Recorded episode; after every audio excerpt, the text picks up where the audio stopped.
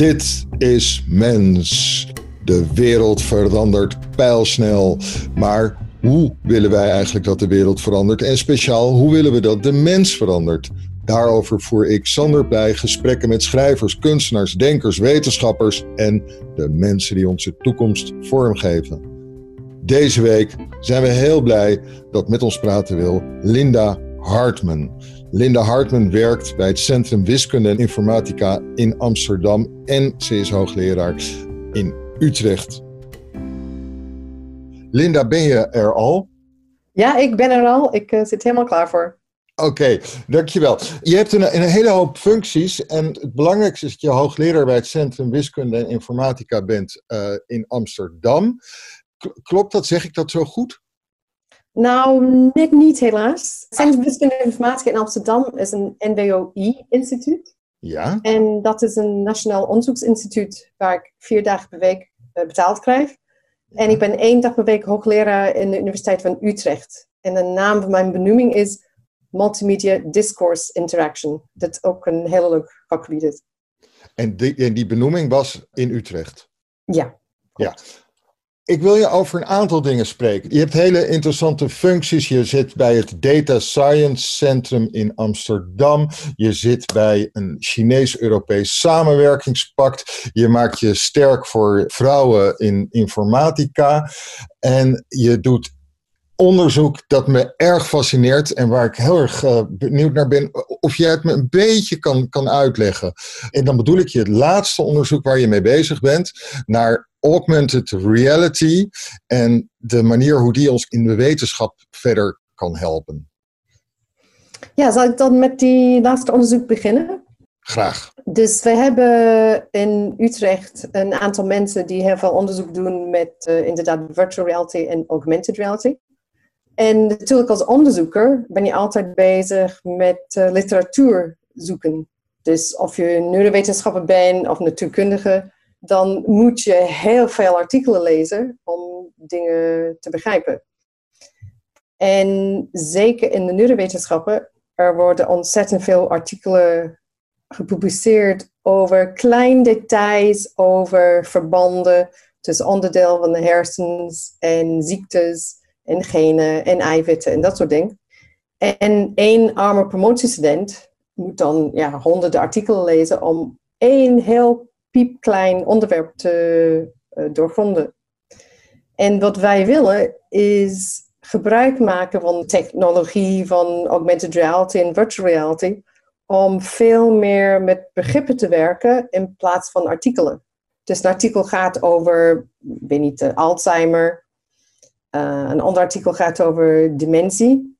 En in een artikel schrijven die on onderzoekers die dat experiment uitgevoerd hebben over het verband tussen dat ziekte en regio's in de hersenen. Ja. En als je gaat tellen, want computers zijn heel goed met tellen, dan kan je bijvoorbeeld kijken in de PubMed database. Dus PubMed database is een wereldwijd verzameling van alle artikelen over medicijn en hersenen. Dat de titels en de abstracts zijn openbaar gemaakt. Ja. En als je dat machinaal analyseert, dan kan je kijken naar al die verschillende verbanden. En opeens zie je dat bijvoorbeeld die Alzheimer, heb je heel vaak overeenkomsten met een bepaald onderdeel van de hersens. Nou, het spijt maar, ik weet niet welke, want ik ben de computer scientist. Maar zo kan je op een veel hoger niveau kijken van ja, we weten veel over, ik weet niet, depressie en Alzheimer. Die komen vaak voor met dezelfde regels in de hersens. Maar ja. kunnen we dan dieper kijken? En zo hebben wij een augmented realiteit gebouwd, waarin je concepten kan zien. Dus de uh, hersenziektes. Ho, stop, stop. Ik begreep het namelijk echt, tot, tot nu toe begreep ik het. Mhm. Uh -huh. Alleen nu, wat je me uitlegde, leek alsof je een soort word cloud maakte van Ja. begrippen die in, bij elkaar in de buurt komen. Klopt. En je niet zoekt op de afzonderlijke punten uit die word cloud, maar op zo'n samenspel van verbindingen. Juist. Dat klopt helemaal. Dus je moet denken inderdaad als je word cloud. Dan kun je heel goed uitleggen. Ga verder. En aan de, aan de kant heb je dan die wordcloud van die ziektes. Dus alleen de ziektes, niet al de rest, maar alle ziektes. Ja. En aan de andere kant van die virtuele omgeving heb je dan uh, de hersens. Uh, Ja. GD. Ja, het is moeilijk uh, met geluid om die hersens te schetsen, maar uh, wij kennen allemaal onze ogen en oren, dus je weet ongeveer waar je hersenen zitten. Ja. En als je kijkt naar je hersengebied, kun je één aanklikken en dan krijg je de ziektes die de meest voorkomend zijn bij dat hersengebied. En andersom, je kan een ziekte uitkiezen in je 3D word cloud. En dan Ja. zie je alle hersengebieden die de meeste overeenkomen in die artikelen. En de verband gaat via de artikelen. En dan eigenlijk ben je honderdduizend artikelen aan het lezen met twee acties. En zo willen wij dan dat leven van je neurowetenschapper vereenvoudigen door zo'n technologie te geven. Nou, onze technologie nu is in het prototypestadium. Um, we hebben een systeem, dit kan dit wel. Maar we snappen nog niet genoeg over hoe neurowetenschappers te werk gaan met hun eigen onderwerp. Om goed te zeggen, dit is nu een goed gereedschap. Maar ik denk over een jaar of twee, dan hebben we iets dat wel uh, interessant zou kunnen zijn voor mensen. Waar, waarom noem je het augmented reality? Oh ja, oké. Okay. Sorry, dat moeten we uitleggen. Virtual reality en augmented reality. Nou, dus virtueel of geaugmenteerd, denk ik. In virtual reality, dan zit je met een hele mooie headset erop en je ziet niks uit je eigen wereld. Dus alles is zwart tot er iets op de schermen komt. En dan zie je je virtuele wereld. In augmented reality is het meer een soort uh, grote bril waar je doorheen kan kijken. En in je eigen wereld zie je ook dingen uit de virtuele wereld, uit de digitale wereld. Dus dan zie je de twee dingen erbij. En eh, theoretisch is augmented reality veel leuker. Want dan blijf je in je eigen kantoor, je kan je artikelen lezen op je laptopscherm. En dan kun je tegelijkertijd zien het beeld van de hersens en het beeld van de 3D World Cloud van de ziektes. Maar hoe de technologie werkt, um, het is gewoon moeilijker om een hele goede augmented reality bril te maken dan een virtual reality bril. Dus we hebben veel meer ervaring in de... Ja, eigenlijk, je kan bij 600 euro denk ik een leuke spel virtual reality bril kopen. Augmented reality is net iets duurder. Maar wij, wij zien de toekomst als augmented reality en daar werken we naartoe. Oké, okay. als ik nou uh, me moet voorstellen, is het dus dat een onderzoeker helemaal gek kan worden. Want je leest een tekst en je ziet vervolgens zie je om de woorden heen iets ontstaan dat weer verbonden kan worden met een database waar meer gelijke connecties uh, in zitten. Nou, ik weet niet of ik helemaal begrijp wat je bedoelt. Ik ook niet.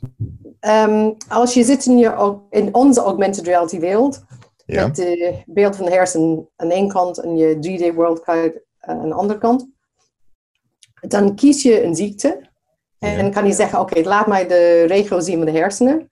En ja. misschien zijn er 2000 artikelen die dat weergeven. En denk nou, die 2000 wil ik niet zien.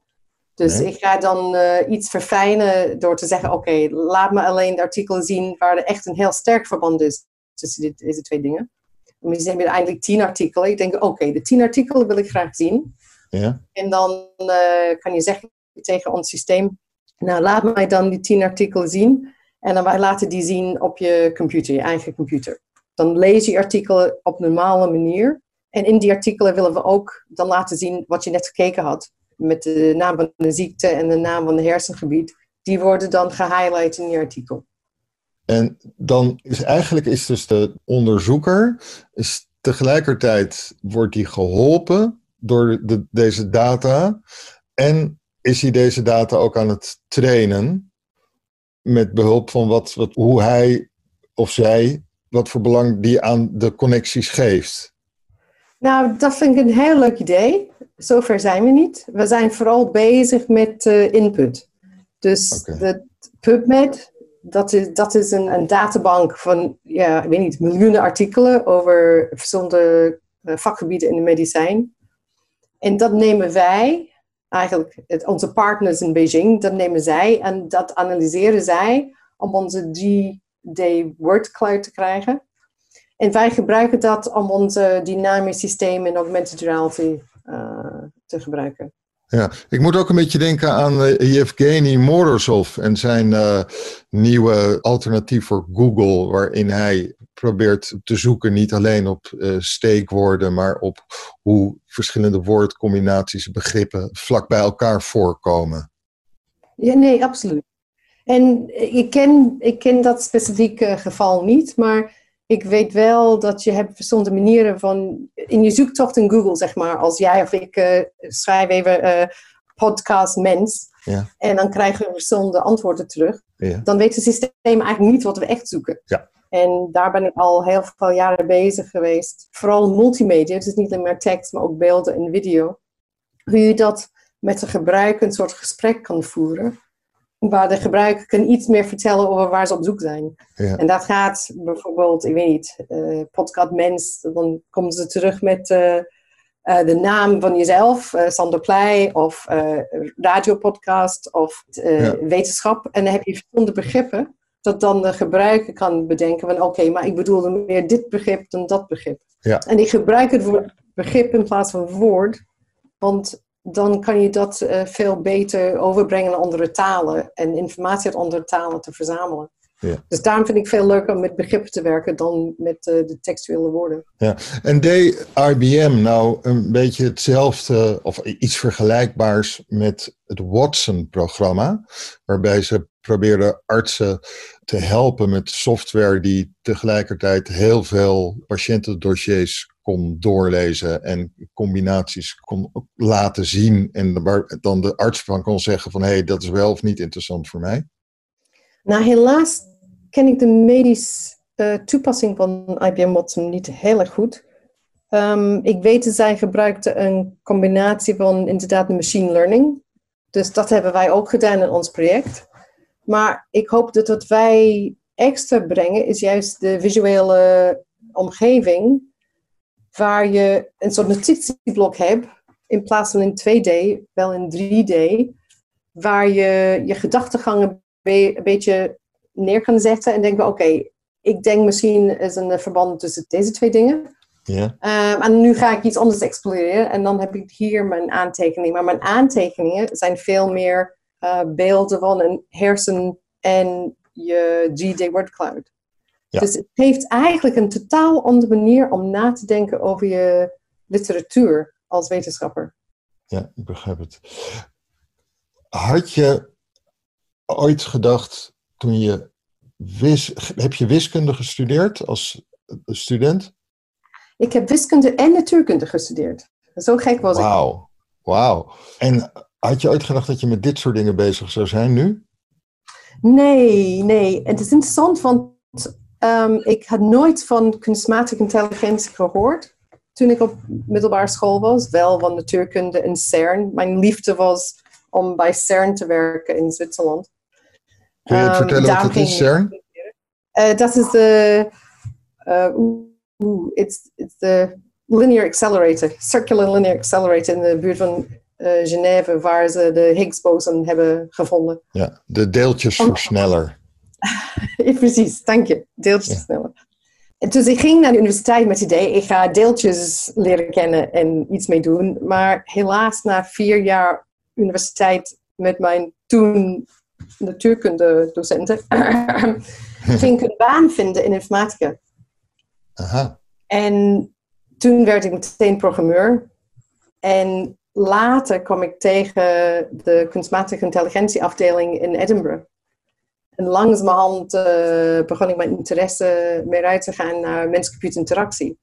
En eigenlijk, ja, onze computers met een beetje een scherm en een beetje Word-document, een beetje PowerPoint. Het is zoveel dommer dan wat we zouden kunnen zijn met computers. En computers kunnen ons echt op een veel hoger niveau helpen. En eigenlijk, hoe weet ik dat jij een mens bent en niet uh, een, uh, een kunstmatig intelligentiesysteem die mij al deze vragen stelt? Ja, ik weet het niet. Ja, um, of een, uh, een, een, mannetje verstopt onder een tafel van een schaakbord.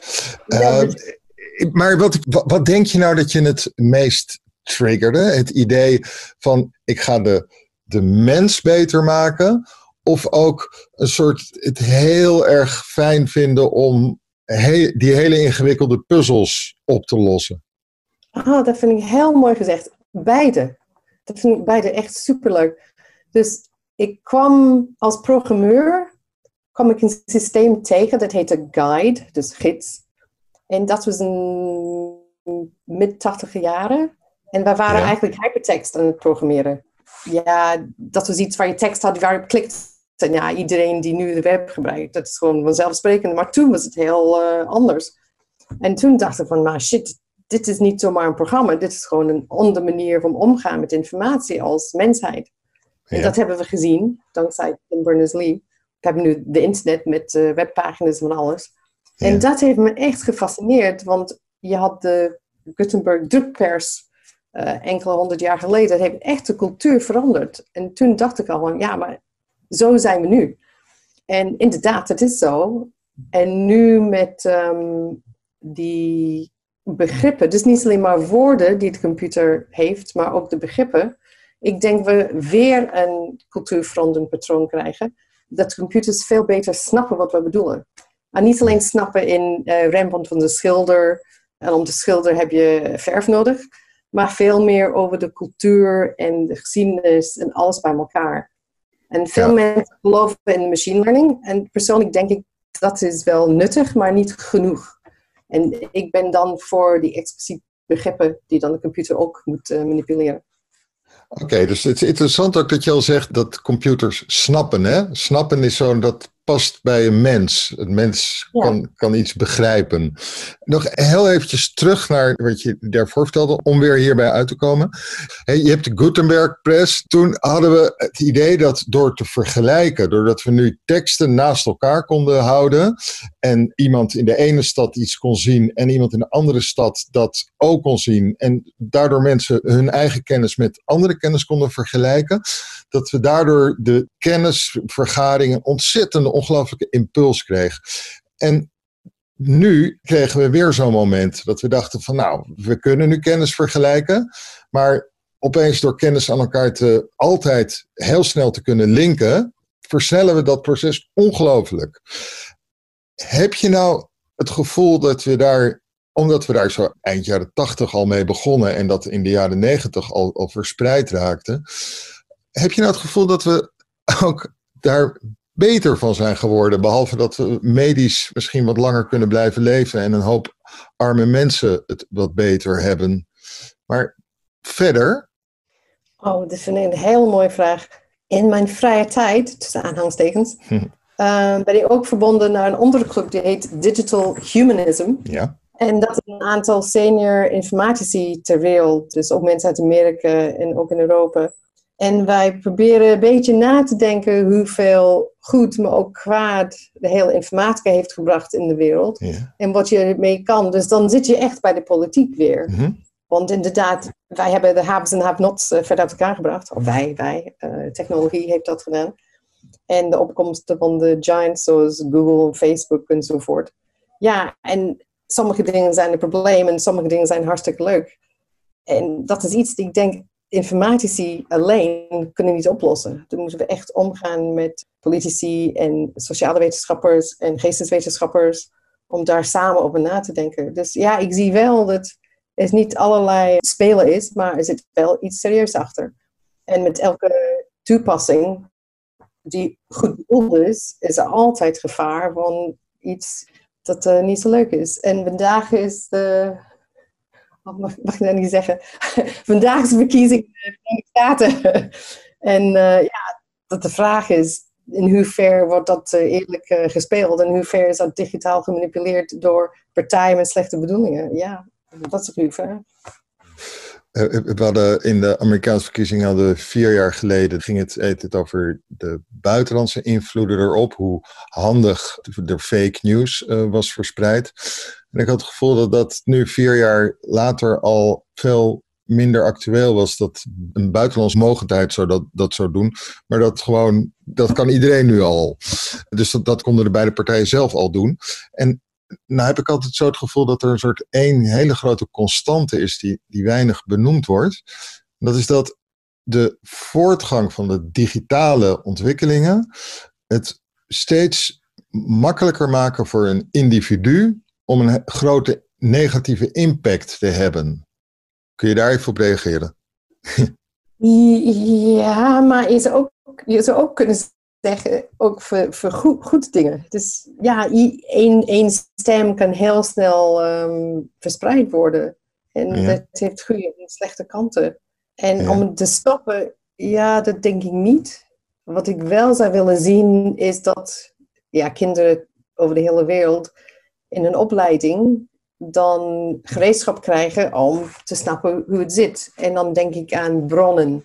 Dus in de afgelopen tien jaar ben ik een ongelooflijk grotere fan geworden van journalisten. Want journalisten en wetenschappers, die maken kennis.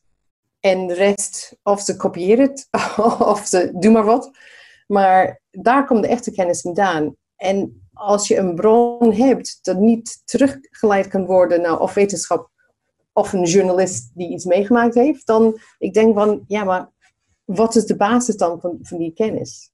Dat moet onze jeugd snappen. En dat al die nepverhalen die worden verspreid, alweer en alweer en alweer. Maar je moet weten, waar komt dat verhaal vandaan? Ik denk dat dat heel belangrijk is. Eigenlijk een uh, blockchain voor uh, elke stukje uh, journalistiek en wetenschappelijke informatie. jij, ik, vroeg, ik vroeg je ook naar de, de impact op de samenleving. Ook omdat toen ik je uitnodigde voor deze podcast, ging het daar nog niet over. Maar je bent ook baas bij het Amsterdamse Science Center. Nee, hoe, hoe noem je dat? Het Data Science Centrum? Nou, we heten Amsterdam Data Science. Want we doen geen data, maar we zijn een ecosysteem van mensen, van partners. Oké, en onderdeel daarvan was de Amsterdam Data Science Lab, dat een investering kreeg van Huawei. Of sommige mensen zeggen Huawei, of anderen zeggen maar Huawei. Dus dat zal ik toch wel verkeerd doen. Er was, een paar weken geleden was er opeens kritiek. Een aantal wetenschappers waren bezorgd om die samenwerking, om die investering van een Chinees technologiebedrijf. Kun jij hun bezwaren samenvatten?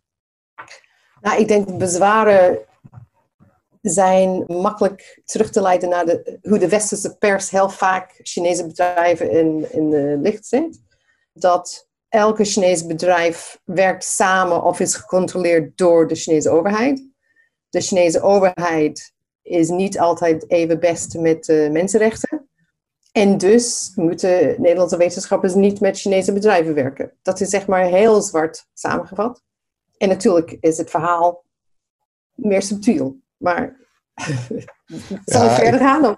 Dit zijn wel de, de interessante onderwerpen. Volgens mij was het verhaal van de, de, de mensen die bezwaar daartegen maken... dat ze Huawei een investering hierin doet en samenwerking met Huawei. Er zijn sommige mensen die vanuit politieke motieven dat niet willen doen, omdat ze dan zeggen van je zou Chinese uh, mogendheid, mag je niet zoveel uh, mee samenwerken, gewoon omdat mensen dat als een tegenstander zien. Maar je hebt ook mensen die denken dat je zo mensenrechten kan beïnvloeden al daar door een bedrijf te boycotten.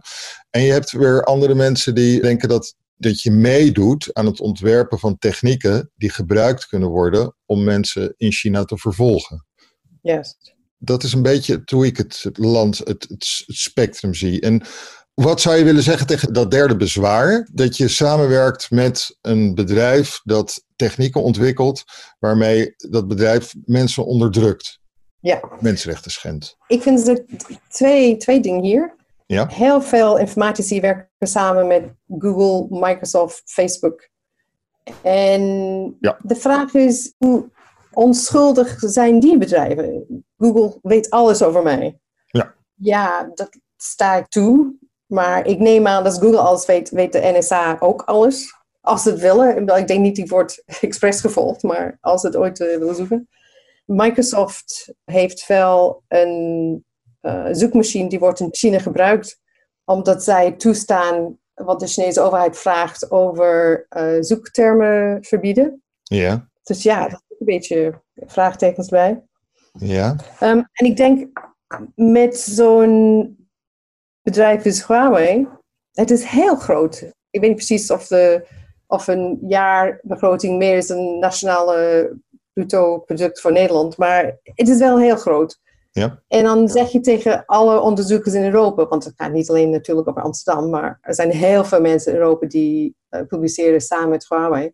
Um, mag je niet met Huawei samenwerken, want Huawei heeft veel geld. En met alle respect, de Nederlandse overheid heeft niet heel veel geld voor onderzoek. Ja. Dus dan ja, als overheid steun je onderzoekers in bedrijven laten investeren in je eigen onderzoek. En dan, in dit geval, de onderzoeksonderwerp had niks te maken met de soort technologieën die gebruikt zouden kunnen worden voor, wat zou ik zeggen, um, gezichtsherkenning of zoiets. Dus, is dat nou een, is dat een, sorry dat ik je onderbreek. Ja, sorry. Ja, het, uh, is dat nou echt een hele scherpe grens die je kan trekken tussen uh, dat je zeker weet dat je onderzoek doet, gefinancierd door hen, dat je zeker weet dat dat onderzoek niet ook te maken heeft met technieken die straks voor doelen worden gebruikt, die, waarvan men in Nederland zegt dat is mensenrechten schending? Nou, ik denk als je echt werkt aan gezichtsherkenning en stemherkenning, ja. dan ik denk inderdaad wel dat dat zou kunnen. In dit geval gaat het over zoektechnologie. Dus eigenlijk wat ze willen is een, uh, een soort, niet een Google zoekmachine, maar equivalent, maar dan veel beter. Gebaseerd op kennis over taal en kennis over zoekgedrag en kennis over begrippen. Ja. Op zo een nieuwe generatie zoekmachine te bouwen. Nou ja, wat kan je met een zoekmachine doen? Van alles, maar dat kunnen we al met Google. Um, met Google zoekmachine, moet je zeggen. Um, en dan in hoever moet je dat onderzoek niet doen? Dat is ook de vraag.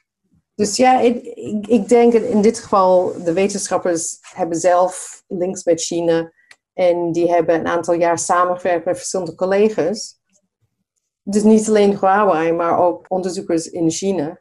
Ja. En ja, dat is net zoals elke internationaal onderzoekspartnerschap. Ja, je kiest mensen uit waarmee je prettig samenwerkt, waar je een interessante onderzoek kunt doen dat nuttige resultaten heeft. Ja. De, de andere kant van die beslissing is natuurlijk dan dat je met vrij lege handen staat als wetenschap die door de overheid gefinancierd moet worden.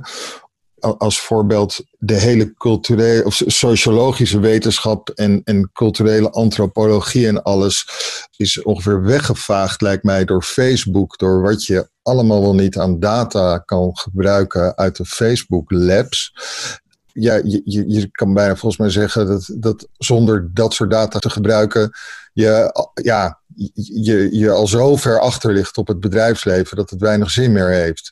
Van daaruit, dat begrijp ik wel, dat je deze beslissingen maakt. Speelt dat ook mee?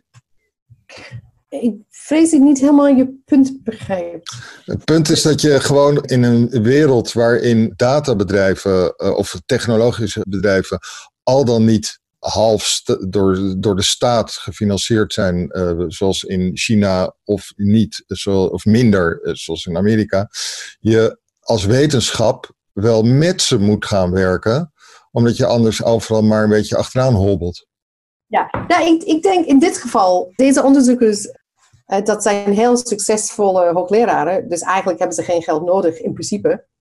Maar het is dus wel een mooie kans om hun drie vakgebieden bij elkaar te brengen.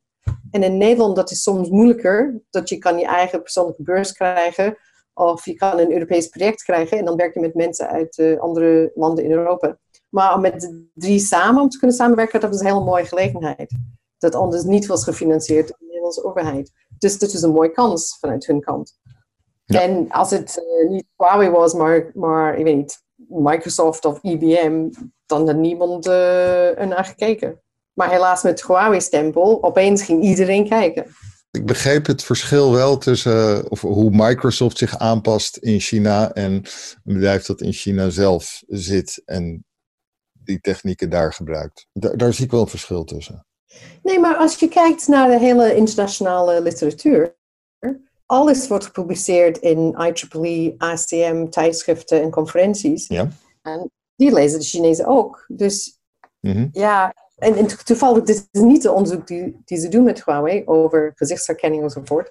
Maar Ja. de Chinezen kunnen al die literatuur al lezen en zelf produceren. En China besteedt zelf ik weet niet, miljarden in dit soort onderzoeksrichtingen. Ja. Dus ja, dit is een soort een Nederlands project, dus een druppel op de groeiende plaat. En ik zeg niet wat China, de overheid, doet per se goed is, dat zeg ik helemaal niet. Mhm. Maar een samenwerking in Nederland, en niet alleen de UvA of de VU of wat dan ook, maar een samenwerking met de Nederlandse universiteit, dat heeft wel consequenties voor hoe wij omgaan met eh, de staat, de, de Nederlandse staat en de universiteiten en onaf- onafhankelijkheid. En in hoever wij onze eigen hoogleraren vertrouwen met hun eigen beslissingen. En ik geef toe als informatica hoogleraar, ik snap dat ik helemaal niks snap over wereldpolitiek. Ik heb wel een mening, maar het is niet mijn vakgebied. En dan een beetje kennis over hoe dat zit, is wel fijn om met mensen te kunnen praten. Je wil niet de mensen dicteren wat je doet, maar het zou wel fijn zijn uit de overheid wat eh, guidelines of rollen kan spelen in deze argumenten. Eh, Merk je ook dat er meer behoefte ontstaat nu we in de, de datasamenleving leven, ook in een westers land als Nederland, eh, meer overleg en coördinatie vanuit overheid en wetenschap en bedrijfsleven omtrent hoe we met die data omgaan? Bedoel je met eh, data verzamelen zoals Google dat doet? Ja? Nou, ik denk dat op Europees niveau dat moet vooral gebeuren. En ik denk dat dat juist de bedoeling van wet met eh, afkorting die ik nooit weet in het Nederlands. dat je elke keer je cookies moet wel of niet accepteren. Ja, maar, ja, maar bedoel je dat daar vooral een politieke beslissing over ge- moet komen, die altijd weer een paar jaar te laat is? Of merk je ook zelf eh, tijdens het doen van onderzoek en tijdens het bezoeken van congressen en contact met collega's, dat er vanuit de kant van de wetenschap daarover nagedacht wordt en nieuwe behoeftes ontstaan? Ja, ik denk als informaticus, dat is niet echt mijn vakgebied. Ik denk dat meer de sociale wetenschappers daar, of zelfs de filosofen of de ethici hierover na moeten de- denken. Ehm, en ik ben helemaal voor overleg tussen de vakgebieden. Dat vind ik helemaal heel nuttig. En ik moet zeggen, de UvA heeft inderdaad eh, vijf AI hoogleraren. Ehm, en is AI plus iets. En die plus iets vind ik heel belangrijk. Dat je nadenkt over gevolgen van wat gebeurt met de technologie. Of eh, waar je dan zou ehm, van tevoren bedenken wat je niet moet doen met je techno- technologische ontwikkeling. Dus dat vind ik wel een goede zaak. Maar ik denk om de grote bedrijven aan te pakken, dan moet je echt op Europees niveau werken. Want die internationale bedrijven zijn zo groot en machtig. Dat kan je niet als één land eh, kan ze aan. Ja, nee, maar ik, ik, ik hoef dus niet na te denken en de parallellen te trekken met de uitvinders van de waterstofbom. En die zeiden van op een gegeven moment van, oh, waar zijn we eigenlijk mee bezig? Oké, maar dat is wat ik eerder noemde op de digital humanism eh, beweging. Ja. Moshe Varg is een hele ja, inspirerende informaticus uit Amerika. Kun je zijn naam hij- nog een keer zeggen? Eh Moshe Vardi. Ja. Ehm, hij werkt al jaren in Amerika. En hij en een aantal andere mensen zijn echt bezig met, oké, waar moeten we over nadenken? En het gaat over, mensen hebben een ander soort werk. Sommige mensen hebben werk, sommige mensen hebben geen werk. En dan kom je dan bij ideeën zoals een basisinkomen. Nou, ja, ik denk een basisinkomen een goed idee is. Maar dat kan ik niet uit mijn vakgebied zeggen. Dat moet ik uit de politiek zeggen. Jij zit, eh, bent verbonden aan die organisatie?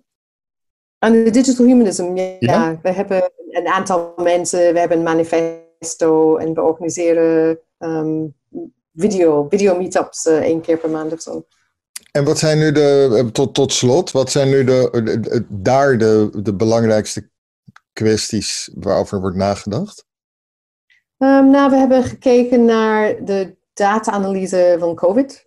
Want Ja. hoe kan je zorgen dat al die verschillende databronnen van verschillende plekken, hoe kan je dan zorgen dat die data-analyse leidt tot resultaten waar je op kan bouwen?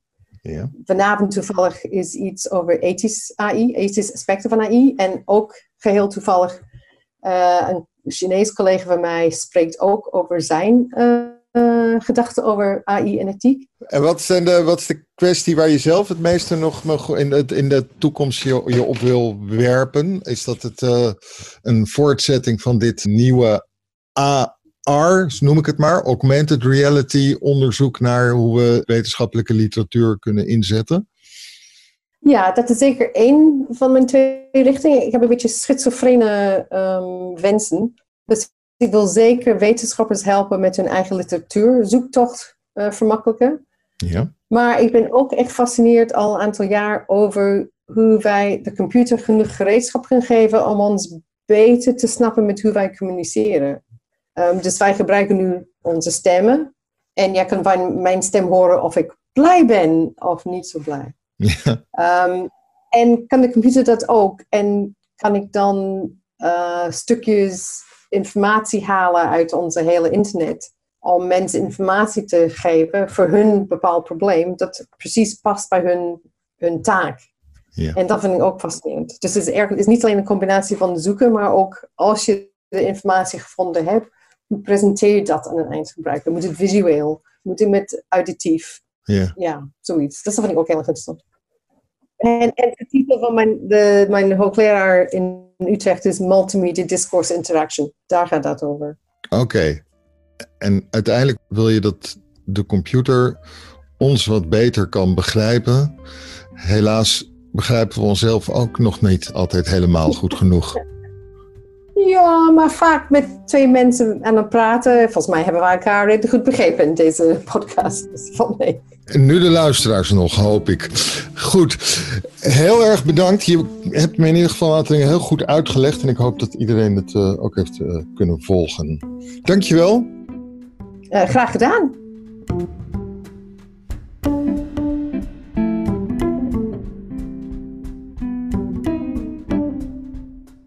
Dit was Mens, met in deze aflevering Linda Hartman. Mens wordt gemaakt door mij, Sander Pleij, en door Hans Poel voor Vrij Nederland. Je kunt je abonneren op deze podcast in je favoriete podcast-app. Dan verschijnt daar als vanzelf elke twee weken een nieuwe aflevering van ons. Ook help je ons door een beoordeling of een review te geven in je favoriete podcast-app. Dan weten meer mensen de gesprekken van Mens te vinden. Voor onze trouwe luisteraars heeft Vrij Nederland ook nog een aanbieding. Dat is een half jaar Vrij Nederland online voor maar 15 euro. Kijk voor die aanbieding op vn.nl/slash podcast. vn.nl schuine streepje podcast. Bedankt voor het luisteren en tot de volgende mensen.